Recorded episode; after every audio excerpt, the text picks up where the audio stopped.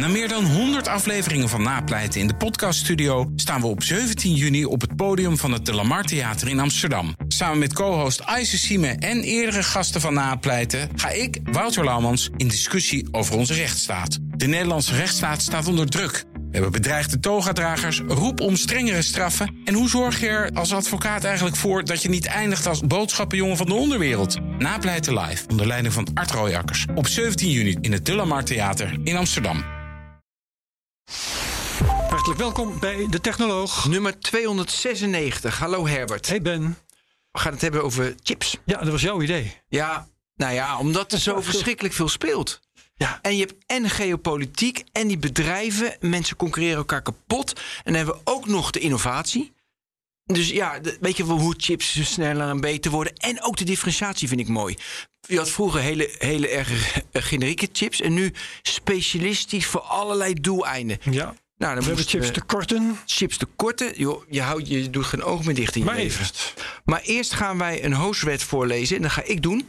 Want met de XPS laptops en notebooks van Dell ligt de wereld aan uw voeten. Dankzij de toonaangevende technologie blijft u gemakkelijk verbonden met uw medewerkers en bent u productiever. Ook gaat de batterij super lang mee en is geen werkdag te lang. De laptops zijn licht en hebben een mooi ontwerp. Haal het beste uit uw bedrijf met Dell XPS laptops en notebooks. De perfecte balans tussen ontwerp en productiviteit. Meer informatie vindt u op. Dell.nl.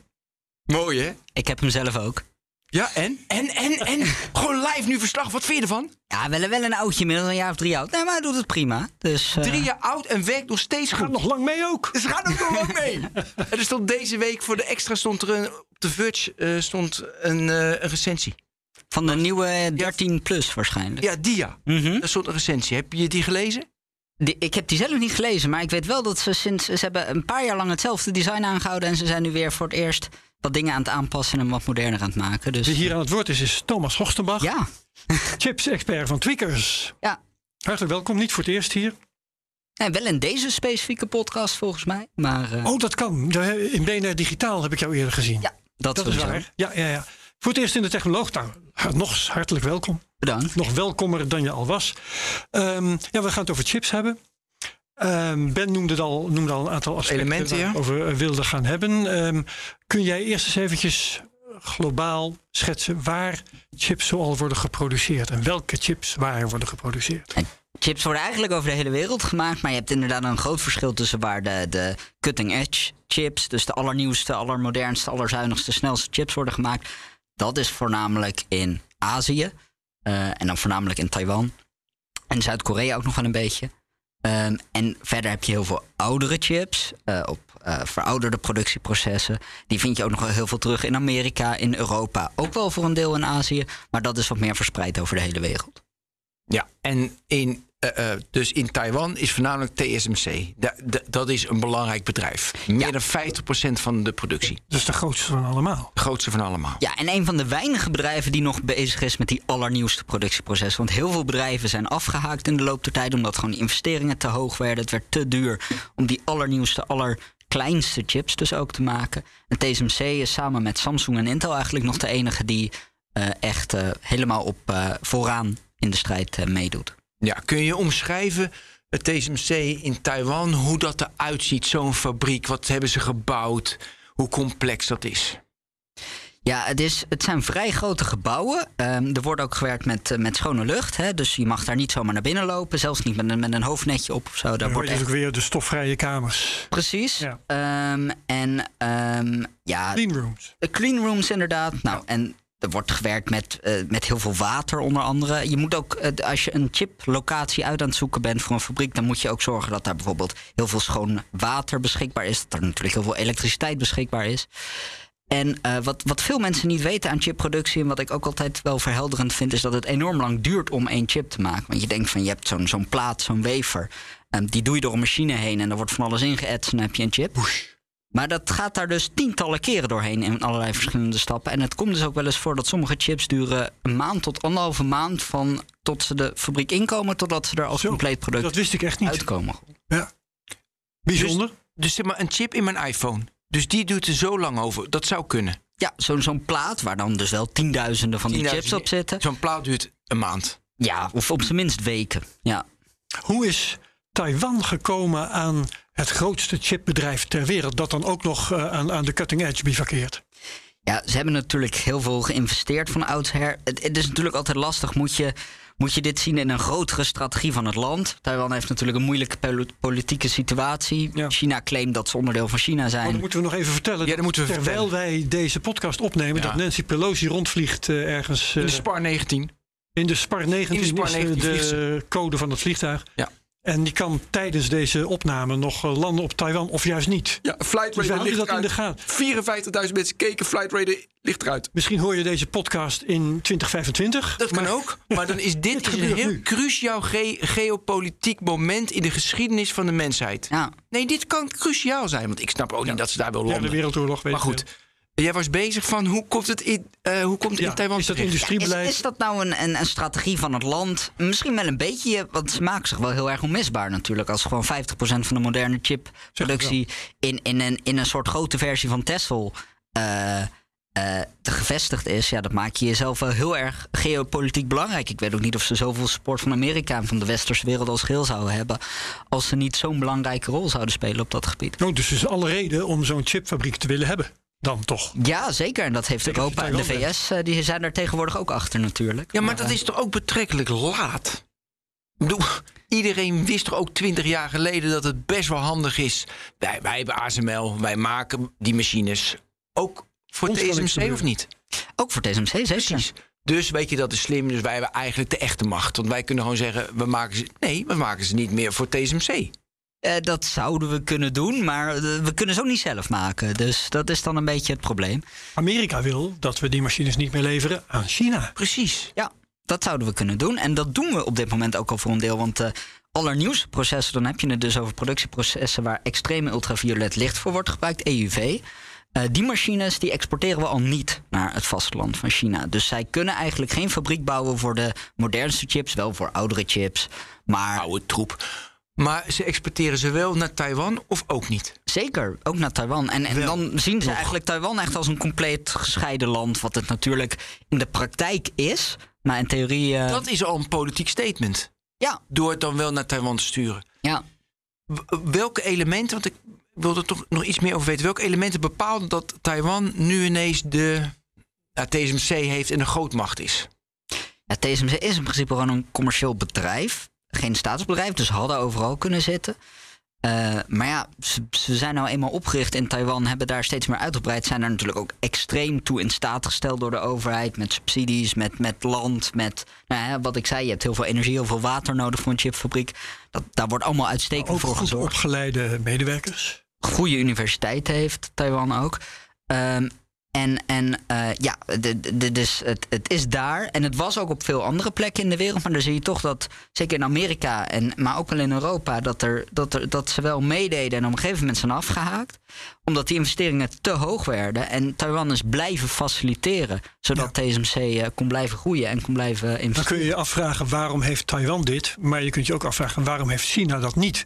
Want China heeft natuurlijk dezelfde inzichten als wij allemaal. Ja. Ehm, en soms beter. Ehm, dus waarom is China er niet in geslaagd om net zoiets neer te zetten? Of zijn ze daar nog mee bezig?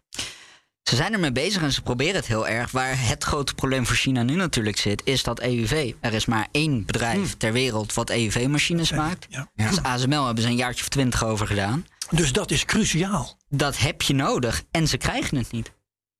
Dus ze zijn wel eh, bezig met chipfabrikanten te bouwen, die dus die oudere processen dan ehm, wat doen. Maar ja, hoe meer de tijd vordert, hoe ouder die worden, hoe minder bruikbaar Ja, die maar de worden. vraag verschuift dan wel, want die wordt dan gewoon: waarom lukt het China niet om zijn eigen eh, EUV-machines te maken? Ja, en dat proberen ze ook keihard. En, en Ja. ze hebben ook echt, er zijn er redelijk wat schandalen geweest dat er medewerkers van TSMC Hmm. eh, eh, naar China zijn, eh, zijn gehaald. En die eh, per ongeluk hun notitieboekje mee hadden genomen. Zeg maar. la de um, ultracentrifuge technologie die naar, wat is het, Pakistan. Pakistan, waarmee we ze aan de, de kernbom hebben geholpen, inderdaad. Ja, Ja. Dat, dat een beetje. Maar het, en, blijkbaar is een EUV-chipmachine toch wel echt veel ingewikkelder dan een kernbom. Zelfs voor China. Mhm. Maar wij hebben ze. Er wordt heel erg eh, het nadruk bij de chipontwikkeling gesproken over dat ecosysteem. Ja. de ASML spreekt erover, maar ook de CEO van TSMC... die zei van Nancy Pelosi mag niet komen, want het is niet zo handig. Die sprak ook over het ecosysteem. Kun je iets meer vertellen over het ecosysteem... wat allemaal nodig is in Taiwan bij TSMC... maar straks ook China en Intel en noem allemaal maar op. Wat daarvoor nodig is. Ja, want er komen dus chips uit zo'n fabriek. Daar heb je al heel veel grondstoffen voor nodig, wat ik net zei. Maar zo'n chip kun je niet zomaar in een telefoon steken. Daar moet een, een, een laag onder, waar eh, de power delivery door komt. Dus hoe de stroom die chip in komt. Daar moet een laagje overheen, dat noemen ze de packaging. Ehm, eh, dat zijn allemaal dingen die worden niet in de chipfabriek zelf gedaan. En nu is het ecosysteem moet je wel breed zien. Bijvoorbeeld veel van de packaging van TSMC-chips... die wordt gedaan in landen als Maleisië... die dus wel enigszins in de buurt liggen... eh, maar wel eh, waar veel lagere lonen nog gebruikelijk zijn. En dat is ook veel minder ingewikkeld dan een chip zelf produceren. Eh, maar goed, het ecosysteem gaat ook voor een deel natuurlijk gewoon om de kopers van je chips. En die zitten ook voor een belangrijk deel in, in Azië, in Zuid-Korea, in Taiwan. Eh, veel van de, de laptopmakers in, de, in Taiwan bijvoorbeeld. Ja. Ehm, dus ook, ook daarbij moet je denken als je, als je het over het ecosysteem hebt. En wat is die packaging dan precies? Wat bouw je er dan op? Nou, in het geval van een echte computerprocessor eh, gaat het vrij letterlijk gewoon om, om een klep om eh, over de processor heen, om hem te beschermen, om te zorgen dat hij zijn warmte goed kwijt kan, dat je er een koeler op kan monteren. Eh, en, en voor telefoons is dat allemaal iets, iets, iets minder belangrijk. Maar dan gaat het vooral om de integratie. Hè. Dus Zo'n zo'n chip moet in een, in een moederbord, in een printplaat terechtkomen. Moet worden aangesloten met de juiste sporen in die printplaat. Met eh, stroomvoorziening en, en eh, interconnect op het gebied van data. Hè, dat er data van en naar die chip kan. Ehm, dat valt allemaal onder packaging. Oké, dus TS TSMC maakt eigenlijk de basischip. Ja. En ze kunnen zelf ook packaging maken, maar er zijn ook dus andere bedrijven, neem ik dan aan, die dat dan doen. Ja, de, de- vrijwel alle packaging, voor zover ik weet, gebeurt extern. Dus bijvoorbeeld een processor van Intel of van AMD... ehm, die bijvoorbeeld bij TSMC vandaan kan komen... die wordt dan in een andere fabriek gepackaged. Je hebt ook altijd, als je een processor ziet, daar staat eh, made in... en dan staan er meerdere landen. Daar staat bijvoorbeeld Taiwan, maar daar staat dan ook Maleisië bij... waar dan de packaging Ja. is gebeurd.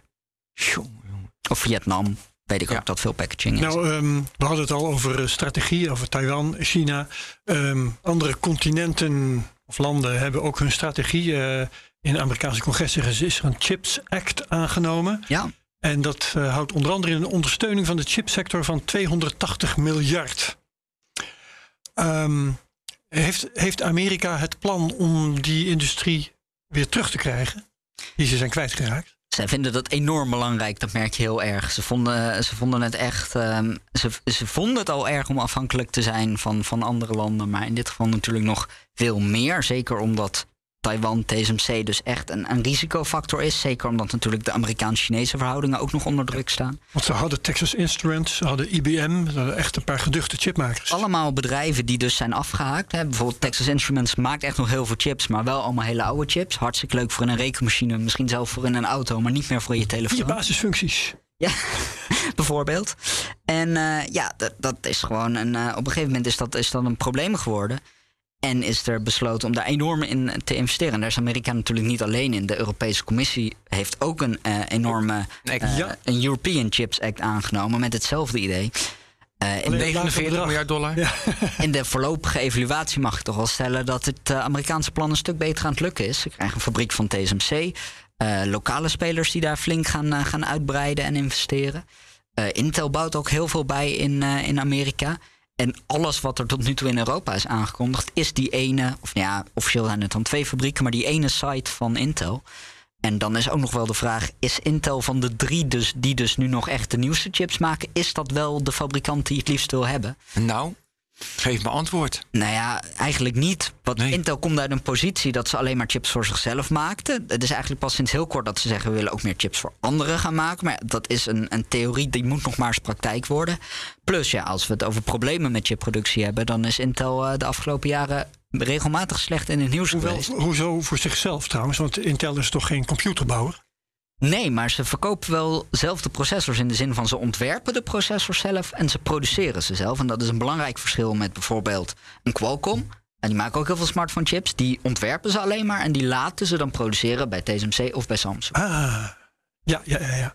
Hey, en, en we hebben het over eh, steun van, van eh, overheden aan de chipssector. Eh, hoe doet de Chinese regering dat? Hè? Want we hadden het er net over dat ze eh, eigenlijk hetzelfde wel willen bereiken als Taiwan. Ja. Maar doen ze dat ook met dit soort programma's?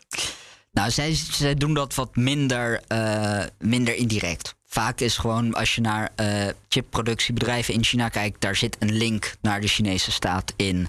Dat is dan het moederbedrijf, is dan voor een deel staatseigendom of zo. Daar wordt echt gewoon.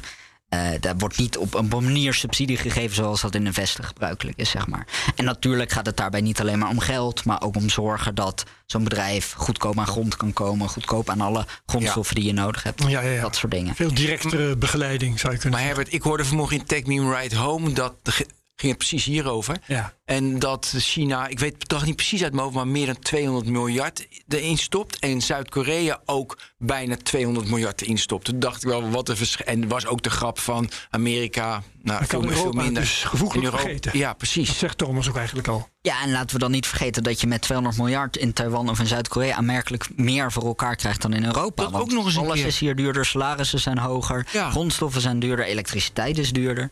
Maar ik, Wauw. Ik wil even terug wat, wat je zei. Amerika is dus afgevallen. Texas Instruments zijn leuk voor je rekenmachientje. Eh, en ook Intel, nou, heeft ook niet gered. Maar weet je, omdat de investeringen zo groot waren. Maar ja, geld mag niet het probleem zijn geweest de laatste 20, 30 jaar. Want dat kan je gewoon bijdrukken. Eh, dus er is een reden waarom het nou, niet, niet belangrijk Het is een andere reden. Geld kan niet het probleem zijn geweest. Weet je de andere reden waarom Amerika en Europa dat daar toch niet voor kozen? Ze vonden het niet belangrijk. Maar dat is toch een gebrek aan. Inzicht, ja, zeker. Maar kijk, die bedrijven, daar, daar ligt het niet aan. Die hebben gewoon een hele reële economische keuze gemaakt. Global Foundries, dat is de chipfabriek die samenwerkte met IBM... die is eigenlijk nog maar een paar jaar geleden... een jaar of vijf geleden zijn ze afgehaakt in die strijd om het nieuwste proces. Ja, op dat moment was het voor hen gewoon... waren de kosten te groot. Was het er niet uit te krijgen, de ontwikkelkosten. En, de, en uiteraard hebben ze toen ook bij overheden aangeklopt. eh, Zeker bij de Amerikaanse overheid ook. En die hebben op dat moment gewoon gezegd: wij vinden dit niet belangrijk, of in ieder geval niet belangrijk genoeg om daar echt tientallen miljarden bij te gaan Ja. lappen. En daar en in Azië kwamen economics wel uit. Dus daar dachten we, kunnen al die chips in massa Ja, maken. hun concurrentiepositie is gewoon veel beter natuurlijk. Ja. Terwijl het toch een kapitaalintensieve industrie is. En niet een arbeidsintensieve, dat zou je dan ja, misschien denken. Ja, ik blijf hem. Ja, het is vooral een kennisintensieve sector natuurlijk. Ja, kapitaal oké, maar, maar, dat moet toch ook. Ja, maar kennis moet toch ook in Europa en in Amerika zitten. ja, het nee, dat het dus ook dus wel Taiwan en samen, zegt Thomas net zelf ook, met ehm, eh, universiteiten van hoge kwaliteit. En wat voor mensen krijg je tegenwoordig in de, op de Nederlandse universiteit? Er komen er heel veel uit eh, landen uit het oosten.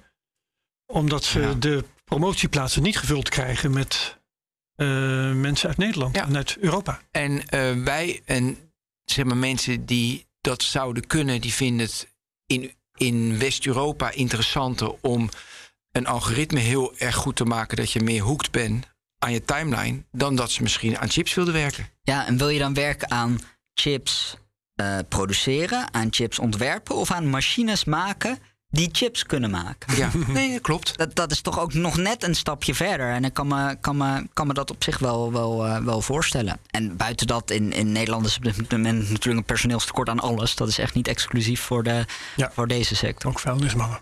Ja, misschien, over dat, misschien even wel over ASML. Weet je, we noemden net al gekscherend van niet, eh, niet gekscherend, maar niet leveren aan China. Wij hebben eigenlijk de macht, dat noemde ik eigenlijk. Maar wij zijn niet echt een land die die macht dan gaat gebruiken. Nee, als je met wij Nederland bedoelt, zeker niet. Nou, Misschien ja. wij, als je, wij Europa. En het is toch ook een beetje wij Amerika. Want Amerika heeft natuurlijk echt aangedrongen. Doen ze nog steeds bij de EU, bij de Nederlandse Ja. overheid. Zorg dat die EUV-machines eh, niet naar China gaan. En eigenlijk liefst zorgt dat alle chipmachines van ASML niet naar China gaan. Dat eerste hebben ze dus voor elkaar gekregen, dat tweede niet.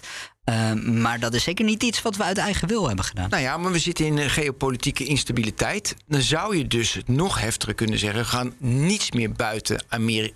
Niets buiten de NAVO. Dus de chipmachines die ASML maakt, mogen niet buiten NAVO-landen worden verkocht. Punt. Ja, maar Zuid-Korea zit volgens mij niet bij de NAVO, Taiwan sowieso niet. Nee. Eh, dus ja, dat is al geen optie. Dan beperk je de markt wel heel erg voor ASML. Ja, maar goed, ASML, dat- ja, ja, dat vergoed je weer. Maar op dit moment is het dus zo dat die machines als geheel wel naar China mogen.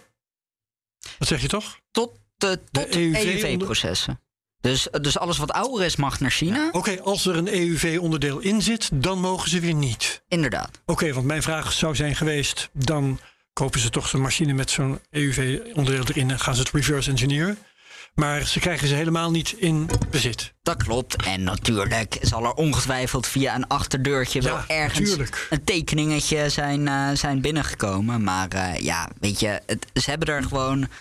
Het, het is tot nu toe niet gelukt en ze gooien er enorm veel geld en kennis tegenaan. Dus, dus blijkbaar is het gewoon echt heel ingewikkeld. En de vraag is ook, als ze Ja. dit dan voor elkaar hebben. Ja, het gaat niet alleen om, om krijgen wat andere fabrikanten nu hebben. Het gaat ook om meegaan in de innovatie. En dat zie ik zo helemaal niet doen. Klopt. Oké. ehm, de tekorten. Hoe staat het daarmee?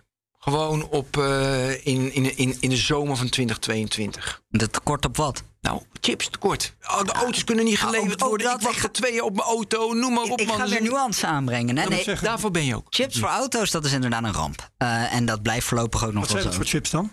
Oude chips. Oh, Eh, zee- die Texas Instruments kan maken.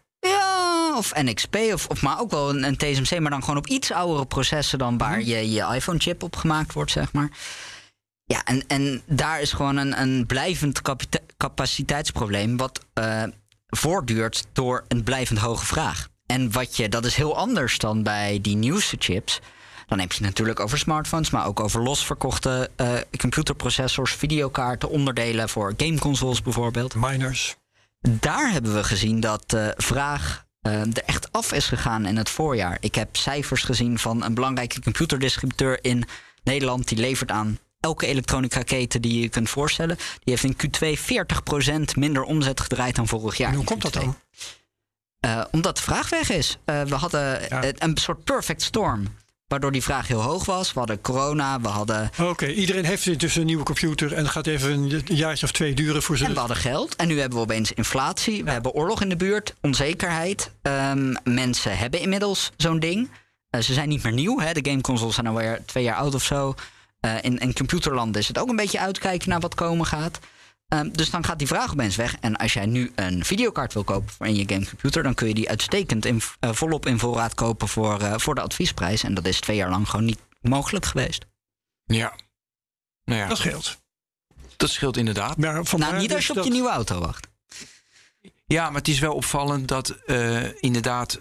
Dus dat je zegt, er is, weet je, nu hè, 40% minder. Dat vind ik best wel veel. Want je zou denken van, ja, weet je, dan kan je dat niet ergens anders voor gebruiken. Maar nee, dat kan dus niet. Want het is wat ik in het begin zei, specifieke chips. Kun je daar iets meer over vertellen? Specifiek voor een auto, specifiek voor een ijskast, specifiek, noem maar op. Ja. En vroeger had je meer generieke chips. Ja, ja dat is inderdaad een, een groot probleem. Ehm, we zien dat steeds meer. En ehm, eh, dat kan op twee niveaus. Dat kan heel dom zijn. En dan hebben we het dus over een chipje wat eh, het raam in je auto omhoog en omlaag doet. Eh, Is daar een chip voor nodig dan? daar zal ongetwijfeld op dit moment een chip eh, voor nodig zijn. Dat is gewoon een knopje. Nou, oké, ga. Ja, maar denk je dat dat knopje draaien, aangekoppeld draaien is. Draaien. Je moet gewoon draaien. Maar eh, ja, en, en dat soort chips, daar zie je vooral dat de klassieke autofabrikanten moeite mee hebben. ehm, op het moment dat er daar niet genoeg van zijn. Ze hebben maar één zo'n chipje wat dat kan. En dat komt, dat is natuurlijk een hartstikke goedkoop onderdeel. Dat komt gewoon van de goedkoopste leverancier die het kon maken. En als die dan opeens zegt, we kunnen niet meer leveren, dan hebben ze gewoon een probleem. Ehm, aan de andere kant, als je heel erg naar high performance gaat kijken, dan zie je juist dat die gespecialiseerde chips steeds meer gebruikt gaan worden om meer te kunnen qua efficiëntie of qua prestaties dan mogelijk is met een generieke processor. En een heel goed voorbeeld daarvan is crypto mining. Dus het maken van cryptovaluta. Eh, daar zie je gewoon dat dat gebeurde eerst op generieke processors, bijvoorbeeld op GPU's. En dat op een gegeven moment werd er zeker voor Bitcoin, voor Ether en steeds meer, meer alternatieve coins komen nu ASICs beschikbaar. Dat zijn chips die eigenlijk maar één berekening kunnen maken, namelijk de berekening die nodig is om zo'n coin te maken. Maar dan wel heel veel sneller en efficiënter dan als je dat gewoon op processors of videokaarten zou doen. Dus, hij kan maar, dus die chip wordt ook specifiek gemaakt en dat is rendabel. En dat gebeurt ook bij TSMC bijvoorbeeld. Ja. Sterker, de een na de andere eh, chipfabrikant wil deze chips. Intel is onlangs begonnen die ook te maken. Hè? Er zit gewoon brood in. Ja, zeker. En eh, bij Intel hangt dat ook wel samen met een plan om losse videokaartchips te gaan maken. Want dat zijn qua soort chips zijn die redelijk vergelijkbaar. Dus ze hadden ook wel wat liggen wat ze daarvoor konden gebruiken, zeg maar. Maar inderdaad, en, en ook gewoon zo'n zo'n specifieke bitcoin mining bedrijven... Die, die zijn ook gewoon een serieuze concurrent voor een AMD en een Nvidia en een Qualcomm... als het gaat om wie het meest wil betalen bij TSMC. En hoe is die chip dan anders voor de Bitmine chip dan bijvoorbeeld de chip in die uh, mijn raampje naar boven en naar beneden doet? Dus hoe ziet dat er anders uit? Hoe, wat is dat anders? De schaal, om te beginnen. Uh, ik vraag me af of die hele goedkope chips in jouw autoraam... of die echt is gemaakt voor dat doeleinde. Of dat dat meer een chip was die dat toevallig kon. En daar hebben ze iets van code op gezet zodat het werkt. Maar of dat de meest efficiënte manier is. Dat hoeft, dat maakt niet uit. Dat maakt niet uit, want of dat ding nou 0,05 watt gebruikt of 0,01 watt. Ja, niemand. Uh, zo vaak doe je niet je ruitje open en dicht. Nee. Um, nou, dus dit is totaal anders dan. Het is een totaal andere drijfveer dan in dat high performance segment. Want daar gaat het echt om prestaties, om efficiëntie. Ja, maar ik wil dus wat dan anders is in die hyper performance, bijvoorbeeld met het berekenen van een bitcoin of in mijn telefoon. Nou, de, dus bijvoorbeeld uh, de chip in je autoruit, dat kan eigenlijk alles, maar is gekortwiekt om maar één ding te kunnen. Uh, en goedkoper gemaakt eigenlijk voornamelijk. Terwijl die chip om bitcoin te minen, die is uh, ontworpen door hele slimme mensen, door hele slimme software. Vaak komt daar tegenwoordig ook AI bij kijken om één bepaald algoritme, één bepaalde berekening super snel en efficiënt te kunnen doen. Dat betekent dat alle onderdelen in die chips, van de rekeneenheden tot de caches, alles is optimaal afgestemd op dat ene algoritme. En zou je daar iets kleins aan veranderen, ga je bijvoorbeeld een andere cryptocoin minen, kun je eigenlijk die hele chip weggooien. Want dat kan hij niet of zo inefficiënt dat je nog beter een generieke processor kunt gebruiken. Dan is het misschien wel handig of je wat er dan in die chip zit, dat ze dus veranderen. Snap je? Want er zijn dingen die ze veranderen. Ja, een chip bestaat natuurlijk op, op het allerlaagste niveau uit transistors. En die leg je op een manier naast, na, na elkaar dat er um, instructies kunnen worden uitgevoerd. En die instructies van een, het maken van een bitcoin die zijn heel erg specifiek. Die hebben misschien een bepaalde lengte, daarin worden bepaalde uh, berekeningen. En dan heb je het dus echt over optellen, aftrekken, vermenigvuldigen, dat soort dingen in een bepaalde volgorde uitgevoerd met een bepaalde uh, ordegrootte van getallen. Uh, lengte van getallen, floating point of, of integer. Dus, dus uh, met of zonder getallen achter de komma. Ja. Um, en dat, dan kun je dus die transistors zo neerleggen dat het in het ontwerp precies past. Dat zo'n getal, wat op dat moment berekend moet worden, dat dat dan precies door die straat heen kan lopen. Door die, ja, die, die berekenstraat, om het zo maar te zeggen. En dat het daar super efficiënt doorheen gaat. Terwijl als dat oorspronkelijke getal, als dat één bit groter zou zijn, dan zou het niet meer in al die onderdelen passen en dan zou het totaal fout gaan. Dus het is het neerleggen van de transistors, hoe je dat ontwerpt. Ja. Optimaliseren voor een bepaalde taak. En dat is natuurlijk, eh, kijk, als je daar heel diep op ingaat, dan is dit onwijs knappe koppenwerk. En ik zeg ook, uh, dit wordt lang niet meer altijd door mensen gedaan. Soms wordt er ook gewoon gezegd, we willen het, het, gaat tegenwoordig ook om miljoenen, miljarden transistors. Dus dat kun je niet meer door één mens laten bedenken of door een team mensen. Daar moet een computer bij helpen. Uh, maar je geeft die computer die dat ontwerpt, die dat op de goede volgorde legt en zegt: je hebt zoveel van dit nodig en zoveel van dat. Die geef je andere instructies mee dan als je kijkt naar een generieke, een x86-processor bijvoorbeeld. Jongen, jongen. Ja. Maar we hebben dus uh, ja, in feite minstens twee chipmarkten. Uh, namelijk de chipmarkt waar nog wel tekorten zijn en de chipmarkt waar dat niet het geval is. Of in ieder geval tijdelijk. Ja, en in de ene zit Intel, want die hebben gezegd: uh, ja, onze afzet valt geweldig tegen. En in de andere zit NXP, want die hebben gezegd: uh, wij merken nog helemaal Ja. niks van problemen. Ja, en dat is tegenstrijdig, klinkt dat. Hè? En, en Ja. iemand die misschien wat minder goed is ingevoerd, die zal ook denken: van dat klopt helemaal niet met elkaar. Maar het gaat dus echt over andere segmenten. Ja, Intel zit echt op de high performance. En NXP zit echt op de. Ja, ik wil ze natuurlijk niet tekort doen, maar gewoon op de iets minder Nou, dat is geavanceerde ook prima. chips. Als we maar omzet maken. En Maar juist daarvan zijn er heel veel nodig. Hè? Ja. Want eh, elke koelkast die je tegenwoordig koopt en elke broodrooster, er zitten allemaal chips in. En dat hoeven echt niet de snelste en de zuinigste chips te zijn. Er zitten in een broodrooster wel minder zuinige dingen dan die ene chip. maar als het, achteraf is het makkelijk lullen natuurlijk. Maar eh, is het dan niet, zou het dan niet wijs beleid zijn geweest voor chipfabrikanten om wat meer de belangen te spreiden? Ehm, ja, nou.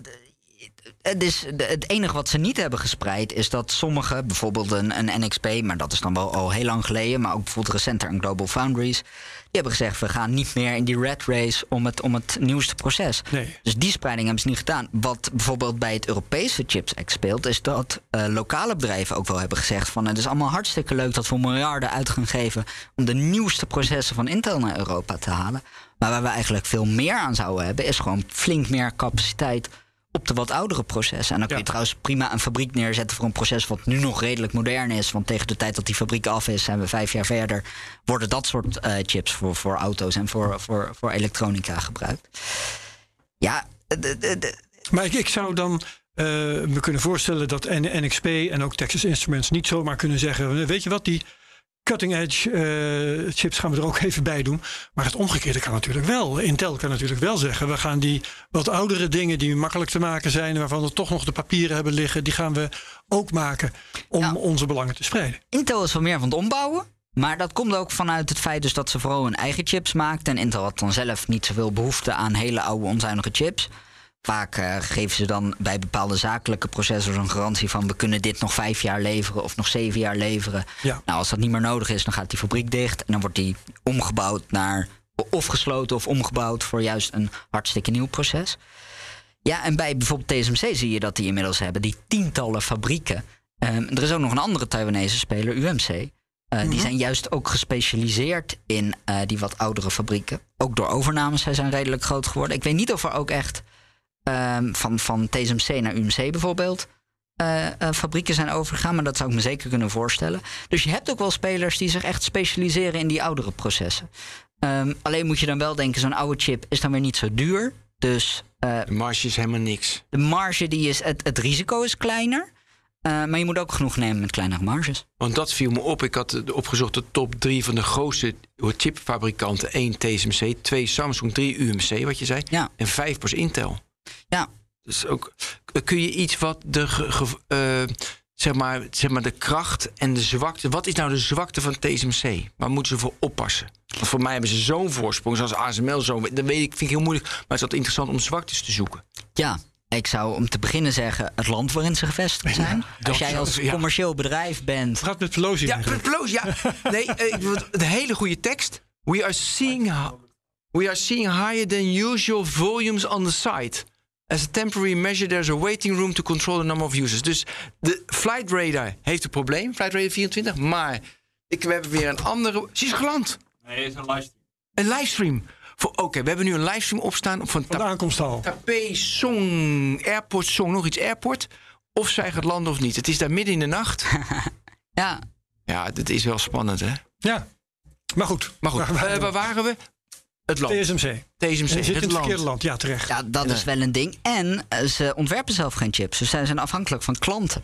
Ja. Uh, en dat is voor TSMC natuurlijk wel een risico. Want we hebben ook gezien uh, dat de bedrijven de afgelopen tijd heel veel capaciteit hebben gekocht. Flink hebben overgeboden op elkaar eigenlijk om capaciteit te krijgen. Nu zien we dus die vraag wat inzakken in het high performance segment. En bijvoorbeeld Intel en ook Nvidia hebben al gezegd... we willen ingekochte capaciteit of afbestellen of doorschuiven. Uh, nou, ik neem aan, TSMC had toen zo'n sterke onderhandelingspositie. Dat zal, zal, wel redelijk goed afgetikt zijn dat zij daar uh, echt de, de, eerste, de eerste keuze in hebben. Uh, maar je bent natuurlijk wel afhankelijk van die vraag. En als die langere tijd laag is, ja, dan heb je daar je dure fabrieken en je dure mensen staan. Ja. En je kunt zelf geen chips gaan bedenken om te produceren, want dat kun je niet. Ja, en is het dan dat ze dat erbij gaan kopen? Dat je het ook ontwerpt? Of dat ze bedrijven daarin overnemen? Of dat ze daar iets in willen? Zie ik TSMC niet doen. Nee. En, en, en chips bedenken is ook wel ja, echt een andere tak van sport dan ze maken. En Intel is eigenlijk nu nog het enige bedrijf dat het echt in één bedrijf doet. Samsung zou je een beetje kunnen zeggen.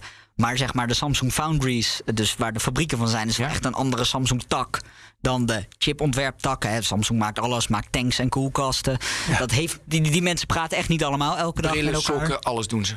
Dus, dus ja, Intel is de enige die het nog echt geïntegreerd heeft. En, en TSMC bijvoorbeeld totaal niet. En ik denk dat dat op dit moment eerder een kracht dan een zwakte is. En wie zijn de beste ontwerpers van chips? En laat het dan bij TSMC bijvoorbeeld maken. Wie echt gewoon cutting edge ontwerpen? Qualcomm.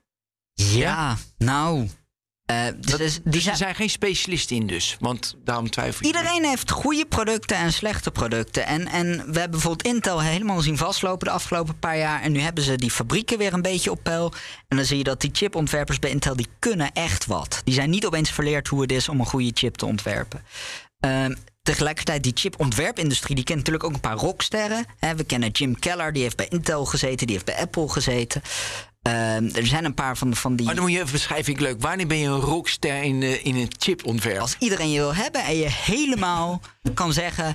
Dit doe ik, wat, wat Jim Keller ook doet. Die eh, stapt altijd in bij een bedrijf waar het niet zo lekker gaat. Bijvoorbeeld een paar jaar geleden Intel. Die zet er dan iets op de rails. Die bedenkt roadmaps. Heeft hij trouwens ook een paar jaar eerder bij AMD gedaan. En tegen de tijd dat die succesvolle producten op de markt komen, is hij al lang weg. Ja. Eh, dus dat hebben we nu ook bij Intel gezien. Eigenlijk wat je de komende twee, drie jaar bij Intel gaat zien, dat is eigenlijk wat hij in grote lijnen heeft uitgedacht.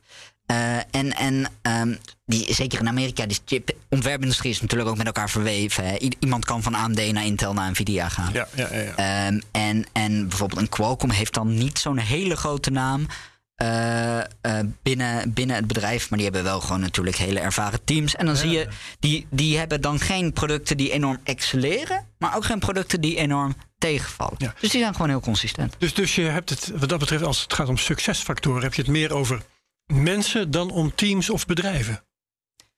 Ja, natuurlijk, het werk wordt uiteindelijk wel gedaan door de mensen in de teams. Zo'n zo'n topman van een chipdivisie, die gaat echt niet tot in het is kleinste detail. zo'n Jim Keller.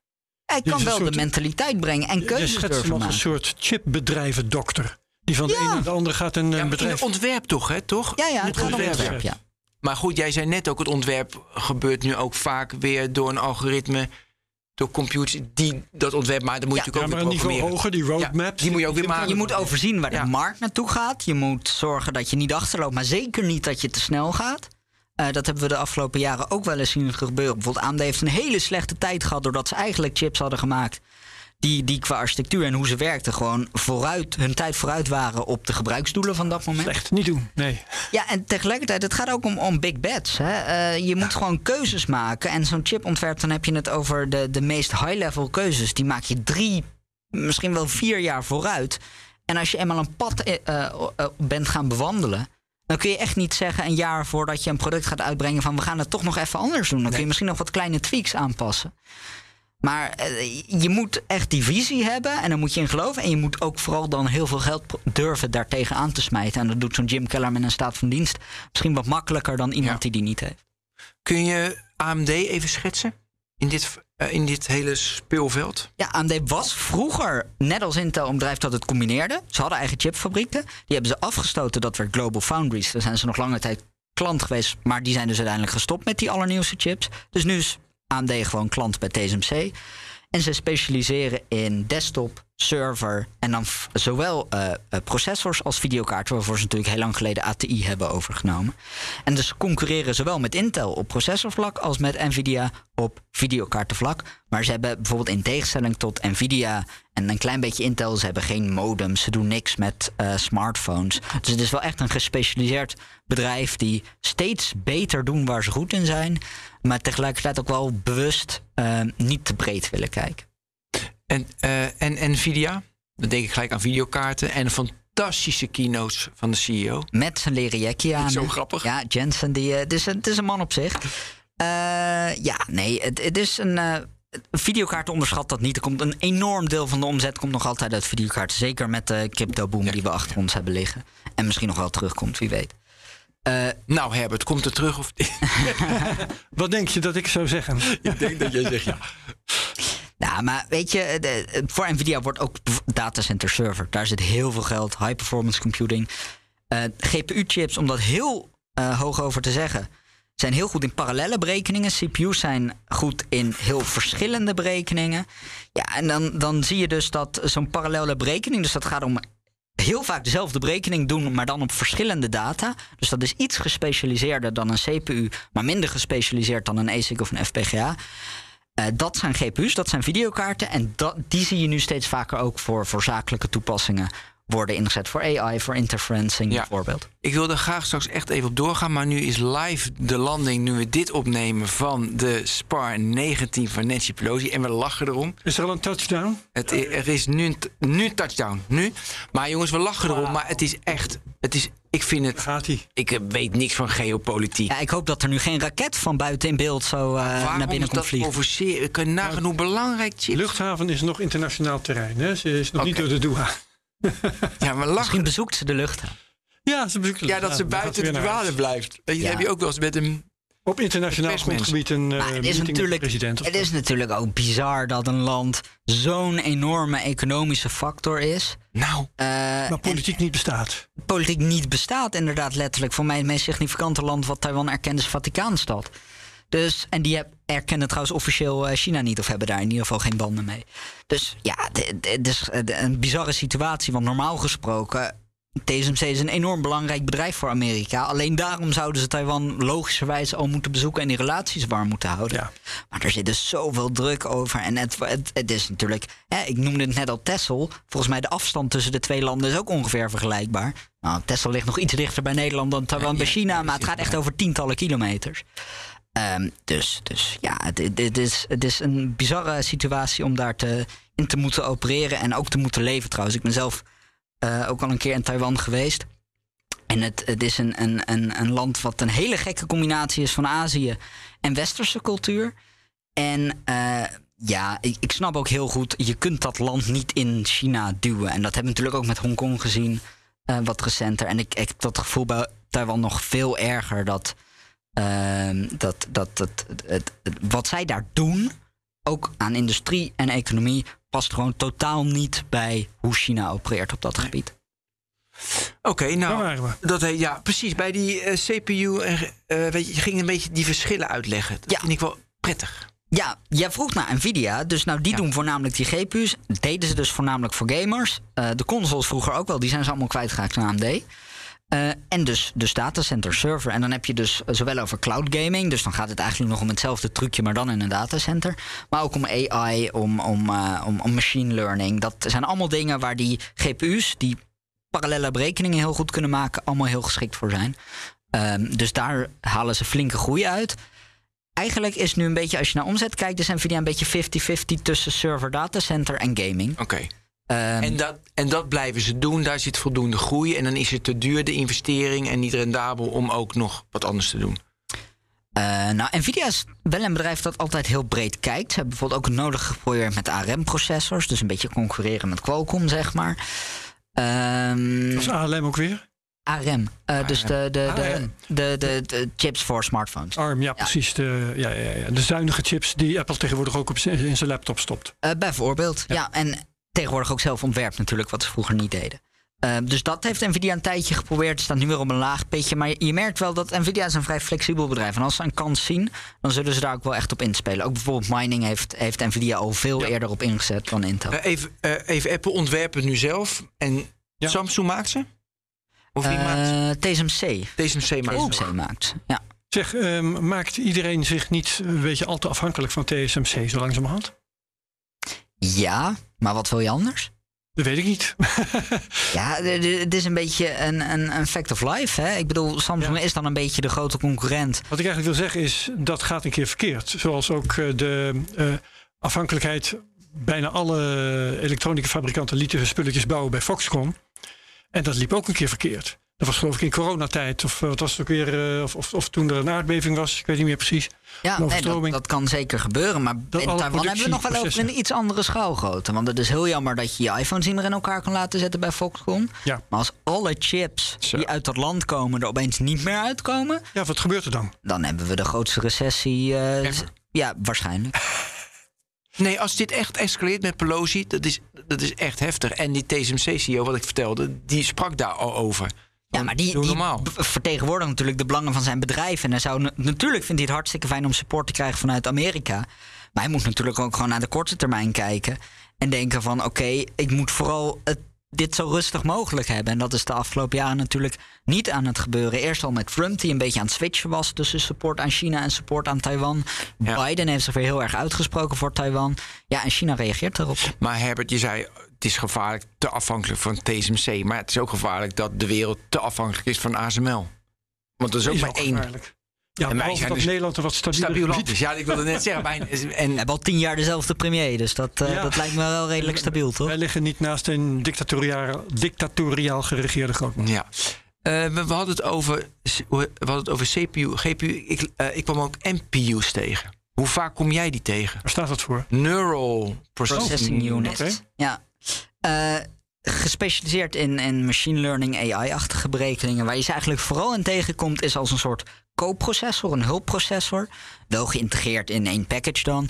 Eh, bijvoorbeeld eh, Google Pixel-telefoons en volgens mij tegenwoordig ook iPhones hebben zo'n NPU om slimme dingen te doen met de camera's. Dus om foto's met algoritmes, met machine learning mooier te maken dan ze eigenlijk uit die sensor komen. Sowieso, als je nu nog zou bekijken wat er ruw uit een sensor komt. En wat jij daadwerkelijk in je galerij-app ziet als je een foto hebt gemaakt, dat is echt dag tegen nacht.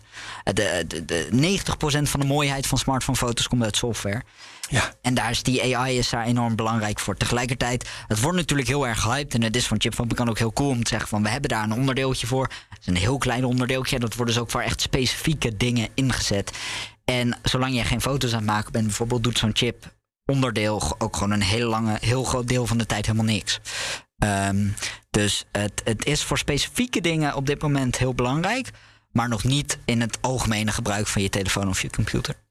Het is wel wel mooi hè, dat die foto lelijk is en dan uiteindelijk wordt die heel mooi. Dus dan kun je Ja. alles mooi maken. Ja, ja, ja. Dat is wel gigantisch. Je, je ziet ook hele grote verschillen tussen smartphonefabrikanten. En dat ligt dan dus ook, eh, behalve soms aan de lens. Ja, maar bijvoorbeeld ook wel. een nieuwe fabrikant die dan gewoon dezelfde componenten gebruikt als een Samsung of zo, maar die gewoon echt drie keer zo lelijk zijn. En dat komt gewoon omdat ze de software niet op orde hebben. Ja. En dan zelfs daar gaat al heel veel processing overheen. Dus als je dan een echt het ruwe beeld zou bekijken, dat, dat, dat is nog net niet zwart-wit, zeg maar.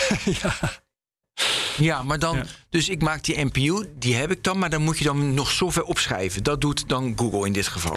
En daar zie je ook wel dat die daar heel goed in zijn. Eh, want als je naar smartphone-camera's kijkt, dat is misschien een van de weinige punten waar nog enorme verschillen zijn tussen fabrikanten. Waar Samsung, Apple en, en Google inderdaad, vooral Google, heel erg goed zijn.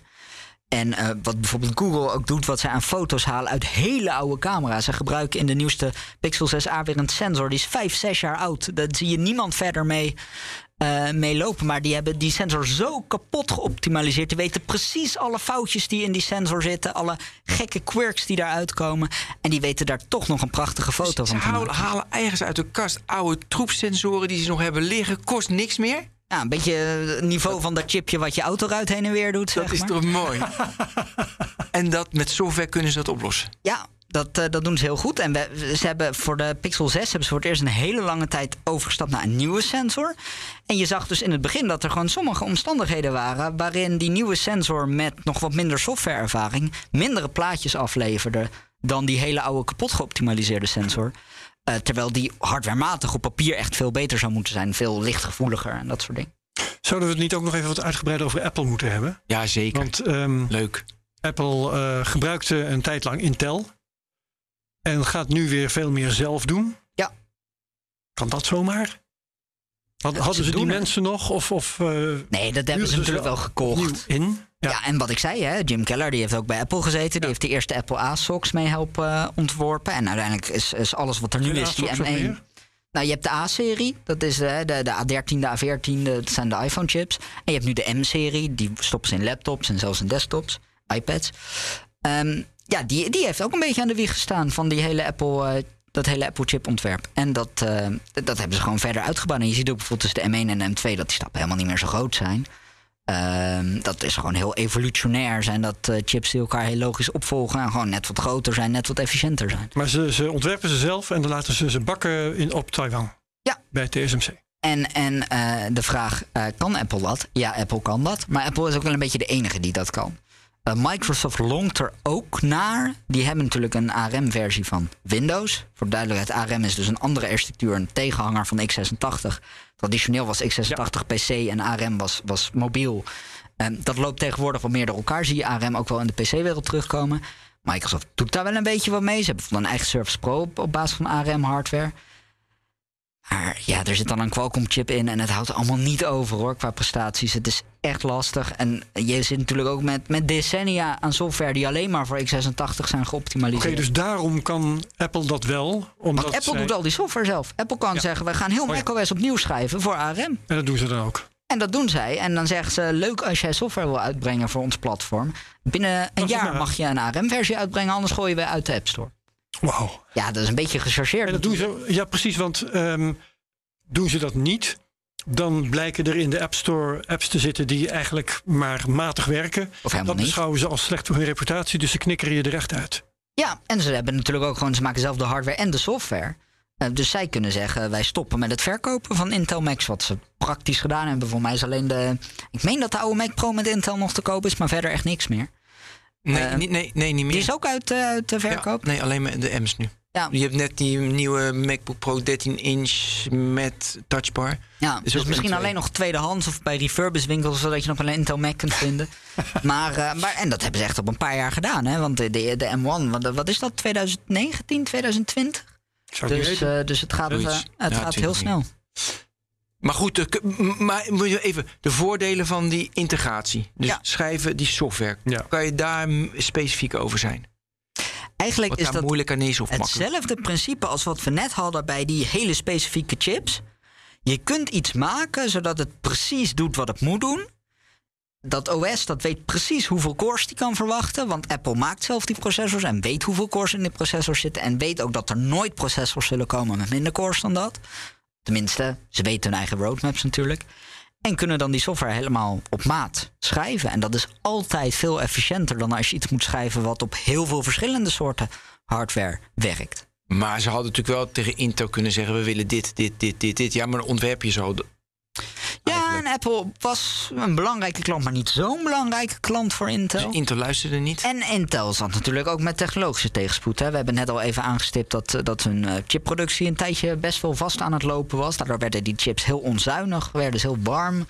Ehm, en ook gewoon eh, de- gingen de prestaties eh, niet, niet meer zo snel omhoog als daarvoor het geval was. Omdat de fabriek niet goed werkt of zo.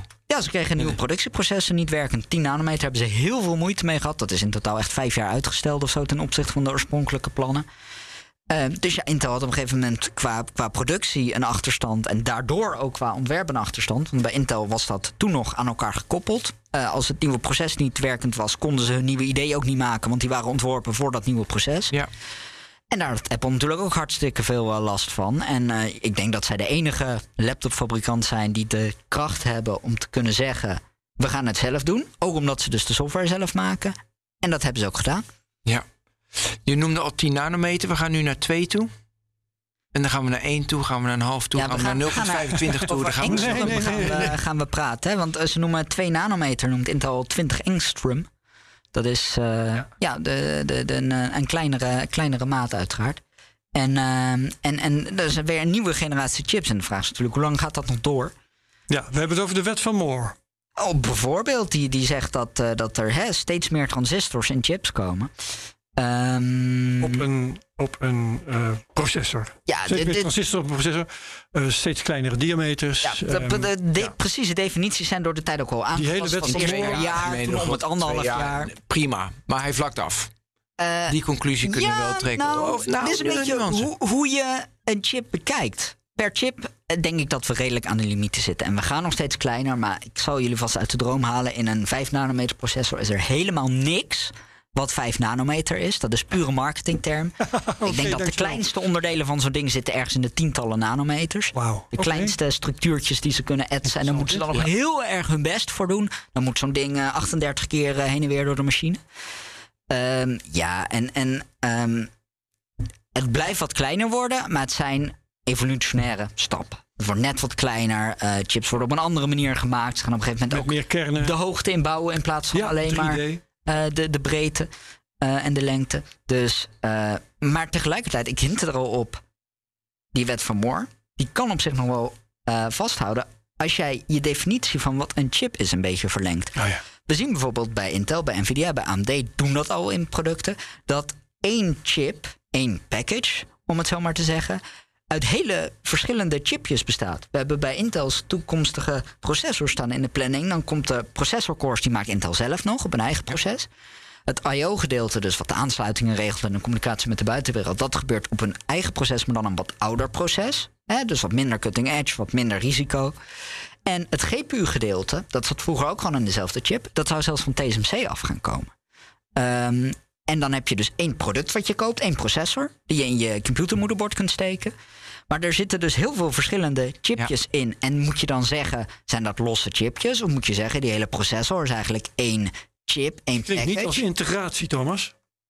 Ja, nou ja, maar het is nodig. Kijk, eh, het, het wordt zo risicovol, die chipproductie. Je, de defecten is gewoon, gewoon een fact of life. Ja, ja, één chip nog met zoveel transistoren. Dus je wil, chip ongeschonden uit het productieproces krijgen. je wil chips wordt- kleiner maken. Want als, er dan, als je weet, er zitten in elke vierkante millimeter zoveel defecten... dan wil je die chip zo klein mogelijk hebben. Want de kans dat je dan een chip kan gebruiken is veel groter... dan als je een enorme chip aan het maken bent. Ja, dan kun je 90% weggooien. Dat Maar is dat niet betekent dus dat wat er dan nog overblijft van die wet van Moore... is door nieuwe definities en allerlei taalkundige knutsel... totaal niet meer vergelijkbaar En met wat Moore zelf... wordt erin gerommeld natuurlijk. Ja, wat Moore zelf in de jaren 60 eh, heeft gedefinieerd als de wet. eh, hij, die hij trouwens niet zelf hebben, hebben we er later van gemaakt. Maar hij heeft op een gegeven moment vastgesteld: hey, het aantal transistoren op een chip neemt elke twee jaar. eh, Verdubbeld, eh, elke twee Ja. jaar. Of, of anderhalf jaar, ik weet niet eens meer precies wat het was. Maar dat is. Daar is steeds meer aan gesleuteld, want anderhalf jaar werd twee jaar. En het aantal chips werd, ehm, ik weet niet meer, iets anders. Ja, en, Steeds en als, als je nu over de wet van Moore met processorfabrikanten dan zeggen ze ook, kijk, je moet niet meer helemaal naar die transistor counts kijken. Je moet ook kijken naar andere dingen die een beetje in die geest van de wet van Moore zitten. Dus Ja. dan heb je het over eh, hoe processors efficiënter worden, hoe ze steeds meer berekeningen kunnen doen met een gelijkblijvend stroomverbruik. Ehm, hoe, eh, hoe Weer, weer een nieuw begrip dat Moore er nooit in heeft gehad, hè? de stroomverbruik. Precies, dat efficiëntie, stroomverbruik zat er helemaal niet in. Maar hij is natuurlijk eigenlijk veel wezenlijker dan hoeveel transistors. Ja, Want als je die transistors gewoon veel slimmer kunt gebruiken en daar veel meer prestaties uit kan halen, ja, dan is dat voor, voor de eindgebruiker is dat natuurlijk identieke winst aan als ze gewoon die processor groter hadden gemaakt. Ja, incrementele verbeteringen. Komt er ook nog een disruptieve chipontwikkeling waarbij alles weggeblazen wordt de komende tien jaar? Moet ik nu in één minuut gaan uitleggen wat quantum computing is? ja. nou, Nou, dat vier hoeft- kan ook. Ja, dat is natuurlijk een beetje de doorbraak waar we allemaal op wachten. En die, die theoretisch is die mogelijk. En dan is nog de vraag van als je al zo'n processor kunt maken wat steeds beter aan het lukken is. Wat kun je er dan in de praktijk mee? Misschien krijgen we net zoals zo'n NPU wel een soort mini quantum computertje in elke chip die voor specifieke dingen wordt ingezet. Het is helemaal niet gezegd dat die echt de huidige processor gaat vervangen. Ja, weet Nee, je, want die is meer geschikt, de quantum chip, voor eh, hele specifieke taken. Hè? Eh, snel denken we nu. Ja. berekeningen die je snel herhaalt en zo. Ja. Ja, vooral omdat het gewoon heel erg lastig is om hem te produceren nu. Dus je kunt er vooral niet te veel Ja, rekeneenheden in parallel stoppen. processing.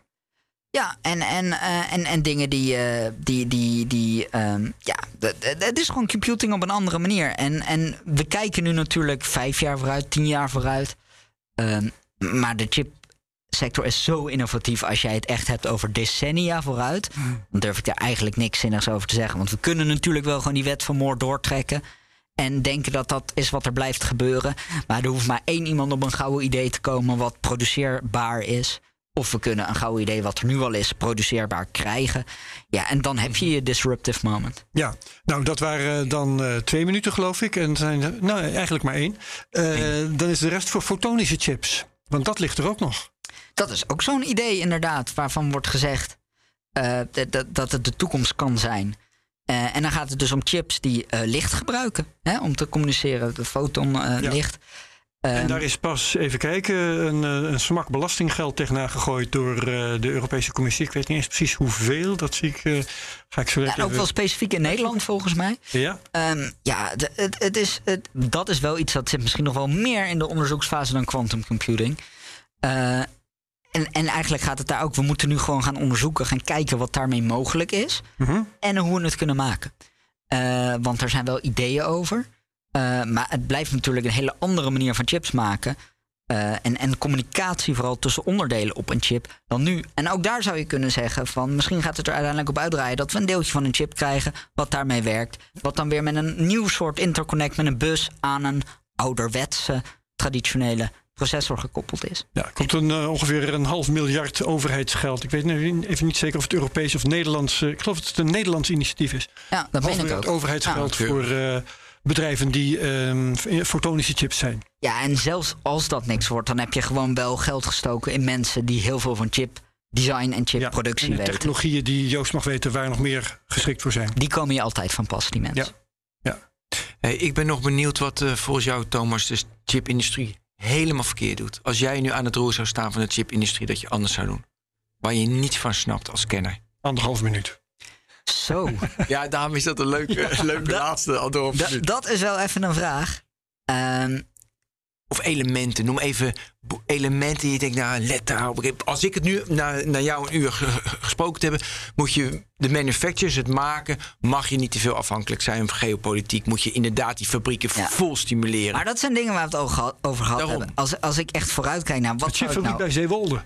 Ja. we hebben nog een mooi weiland daar. Ja, we weiland nog een grondbraak.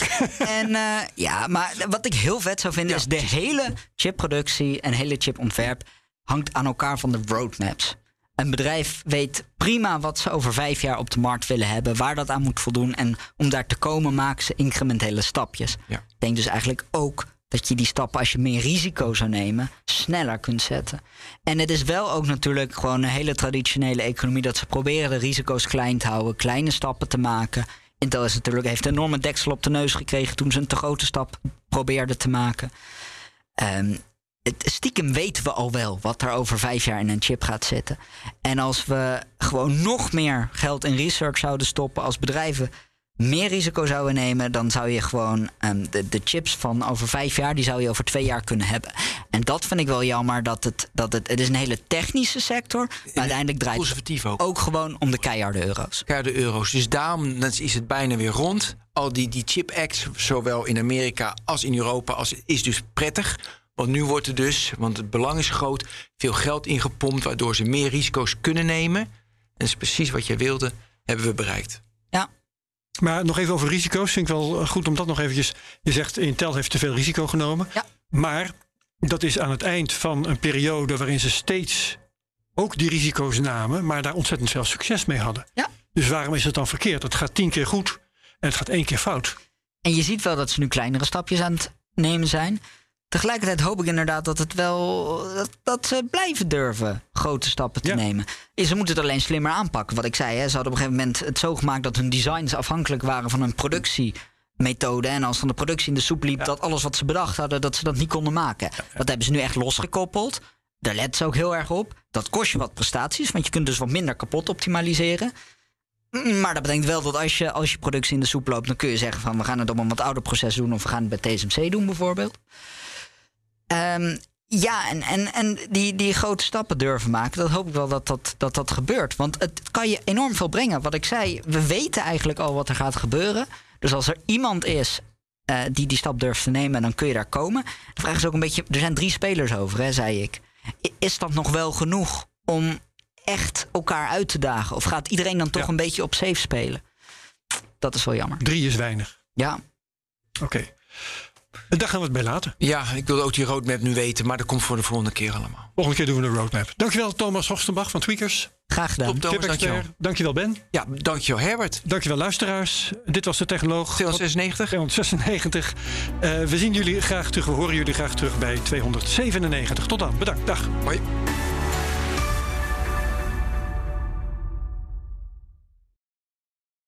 Ook Diana Matroos vind je in de BNR-app. Ja, inderdaad. Je kunt live naar mij luisteren tijdens de Big Five. Ook handig in de BNR-app. Breaking nieuwsmeldingen, maar ook het allerlaatste zakelijke nieuws.